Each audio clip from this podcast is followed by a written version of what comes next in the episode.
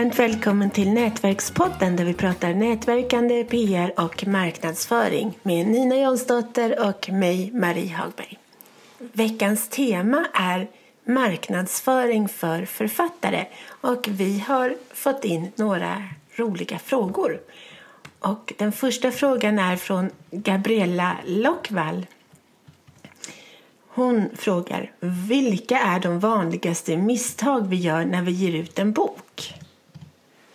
Vad har du att säga, Nina? Mm.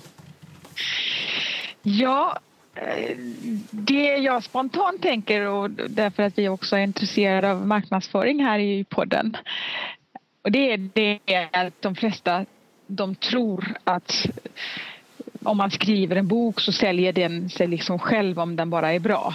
Mm. Så ett misstag är ju då att man inte har tillräckligt mycket marknadstänk. Eh, och det behöver man ha liksom, i princip innan man börjar skriva boken. Så man förstår hur ska jag nå ut med den här boken så att, att den kan hamna hos rätt läsare. Och det ja. händer inte av sig själv. Tyvärr. nej, verkligen inte. Camilla Läckberg, deckarförfattaren, hon brukar ofta säga det att inte ens en bra bok säljer sig själv utan hon ägnar enormt mycket tid åt att marknadsföra sina böcker. Sen går det ju såklart lättare efterhand. Desto fler böcker du har, så, har skrivit som har gått bra desto starkare författarvarumärke har det och då blir det ju då säljer man ju lite på grund av sitt namn. Men ändå, det är hårt arbete. Och det, det tycker jag är det absolut vanligaste misstaget. Och sen i själva skrivarprocessen såklart kan det finnas massor med olika misstag att man eh, rent tekniskt Keli och Darling som man brukar säga att man kanske skriver ja, lite för sig själv mer än att man tänker på läsaren, att läsaren ska förstå. Man kanske håller fast vid vissa saker eh, och då behöver man ha en duktig redaktör eller någon som korrläser som hjälper en att inte fastna i sitt eget för mycket. Och sen så också så tycker jag att man ska kastas in direkt i handlingen när det är som mest spännande, att man börjar där. Inte någonting lång, någon förberedelsetid innan, eller vad man ska säga. Det beror ju på om det är en fackbok så är det kanske lite annat sätt, eller då är det ju ett annat sätt att skriva än om man skriver en deckare eller en, en, en kärleksroman. Men, men ändå visst, att, att greppa fast läsaren direkt i någonting är, är bra. Det misstaget har jag själv gjort, att jag inte börjar med det snaskigaste först. Och det var ett, ja, det var ett stort misstag. Och sen så undrar hon också, vad bör man tänka på om förlag är intresserade av ens bok när det gäller avtal? Ja, då, om man inte är så duktig och så van vid att skriva avtal och man ska ju såklart ha ett avtal, det är ju nummer ett. Och sedan kan det vara bra om någon annan, en jurist till exempel eller någon som är kunnig i hur man skriver avtal, att som hjälper dig att titta på det så att du ser om det är någonting som du vill försöka ändra på eller vad någonting betyder i praktiken.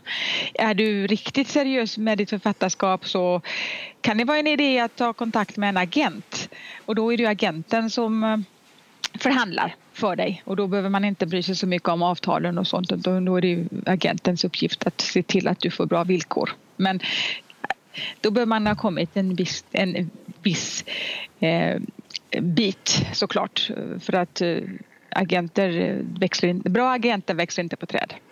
Vi hade en jätte, jättebra agent och lustigt nog samma som Camilla Läckberg hade. Mm. Just det, Hans-Erik Tönnheim. Ja, han var toppen. Jättebra. Vad bör man tänka på när man ger ut på eget förlag? Det är fortfarande från Gabriella Lockvall. Mm, Okej. Okay. Ja, då säger jag det igen att man måste tänka på marknadsföringen för då har du inte några upparbetade kanaler genom ett förlag som redan då har eh, kontakt med bokhandlare eh, media, eh, har stora mailinglistor till personer som är intresserade av böcker inom din genre och, och så vidare. Eh, och då bör man verkligen parallellt när man skriver jobba upp de kanalerna så att när boken är klar då är det bara att trycka på knappen och, och marknadsföringen är, är igång.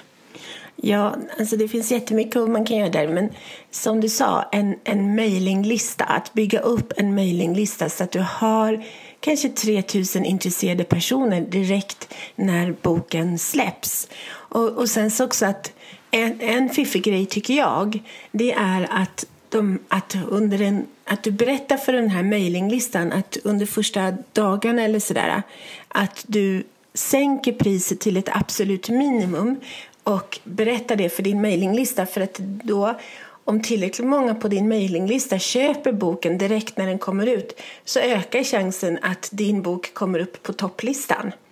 Ja, om du länkar till eh, någon nätbokhandel eller så. Exakt. Mm. Ja, det kan vara ett bra sätt. Sen tycker jag det är viktigt att man, eh, om du inte är otroligt proffsig på allting, eh, till exempel layout och ja, allting kring hur man ska producera boken. Och det är kanske svårt att vara bra på alla de sakerna. Att man anlitar proffs så att det känns proffsigt. Att boken inte blir ett hemmabygge. För det, det är synd om, om bokens budskap är bra. Att det ser ja, mindre professionellt ut. Ja, en sak som jag gjorde när jag har gett ut böcker och det är att jag har haft väldigt många som har korrekturläst mina böcker. Och då har jag ändå gett ut tre av mina böcker på förlag. Det är bara fjärde boken som jag gav ut själv.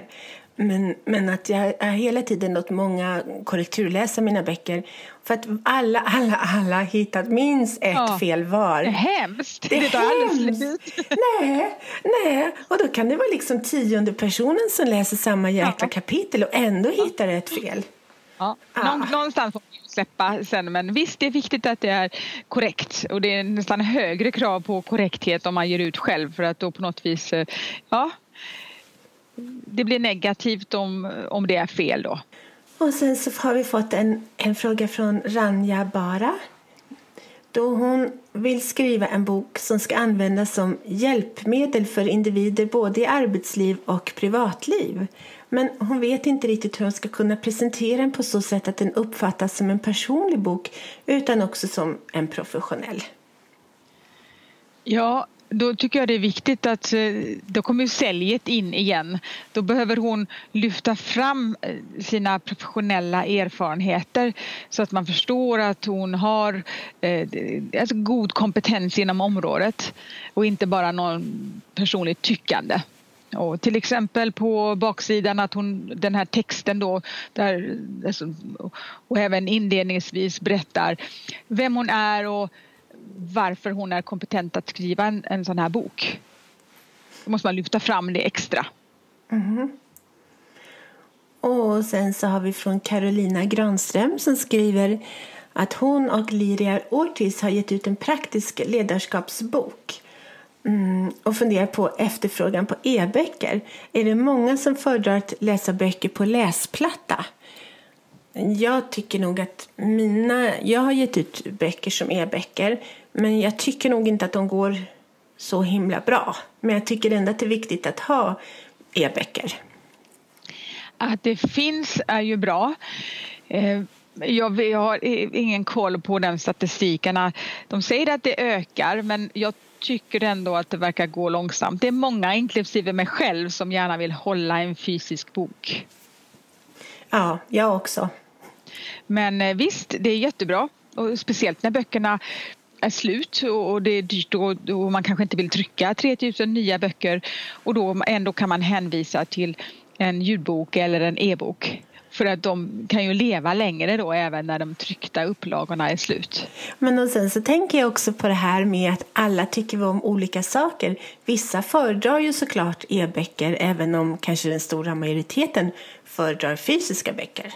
Ja, men även ljudbok ökar ju väldigt mycket. Och ljudbok, ja. Ja, och det, så det är jättebra om man kan erbjuda samma produkt i olika förpackningar. Ja, det har jag gjort med mina. Ljudbok, e-bok och fysisk bok. Ja. Och sen så skriver Erika Bernstone skriver en spännande fråga. Skulle vilja veta allt om marknadsföring av bok. Särskilt digital marknadsföring och tips på spridning och PR. Har, har själv precis gett ut min första barnbok. Ja. Ja, men då är det mycket hantverk att sitta och göra grovjobbet själv i sociala medier.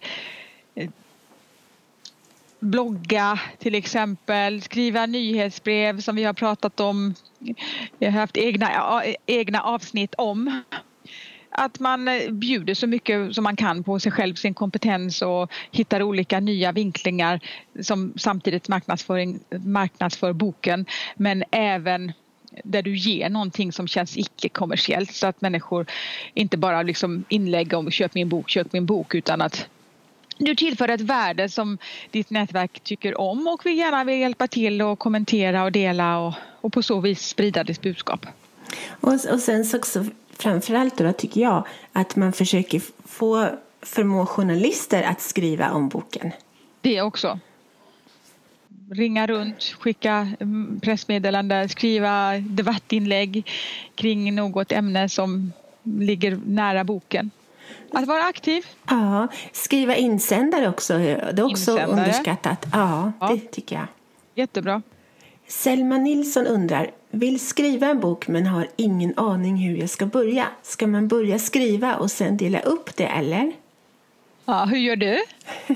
Jag brukar skriva, skriva, skriva och sen så när jag har skrivit ett tag och det har blivit massor av sidor då börjar jag kunna sortera upp.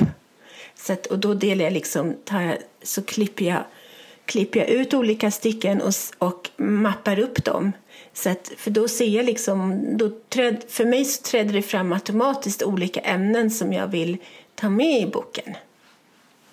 Alltså jag önskar att jag, var, att jag var sådan som jag har en del klienter som är att de skriver synopsis eller en outline precis med vilka kapitel och sånt från, redan från början för det hade ju verkligen underlättat. Men jag börjar någonstans eh, med någon tanke och sen så blir det ett jäkla virrvarr och sedan brukar jag faktiskt hellre be om hjälp. Att någon annan hittar, hjälper mig lite att hitta strukturer när det blir för massivt mycket ord. Eh, och då kan jag sen ta itu med det igen.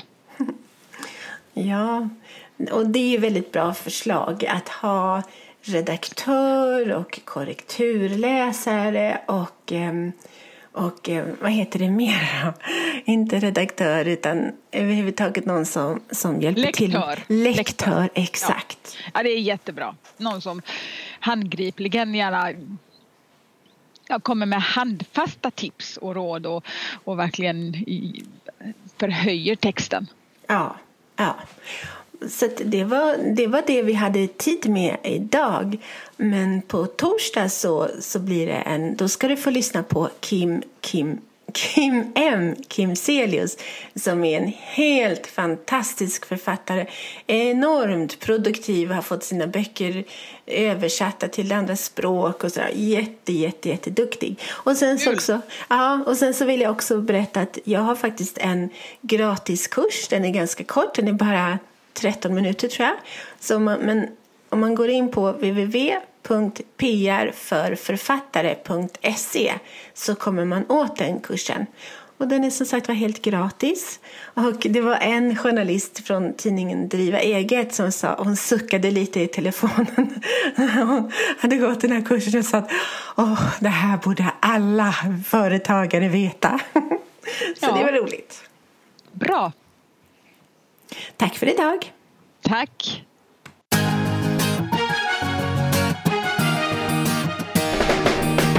Tack för att du har lyssnat på Nätverkspodden om nätverkande, PR och marknadsföring med Nina Jansdotter och Marie Hagberg.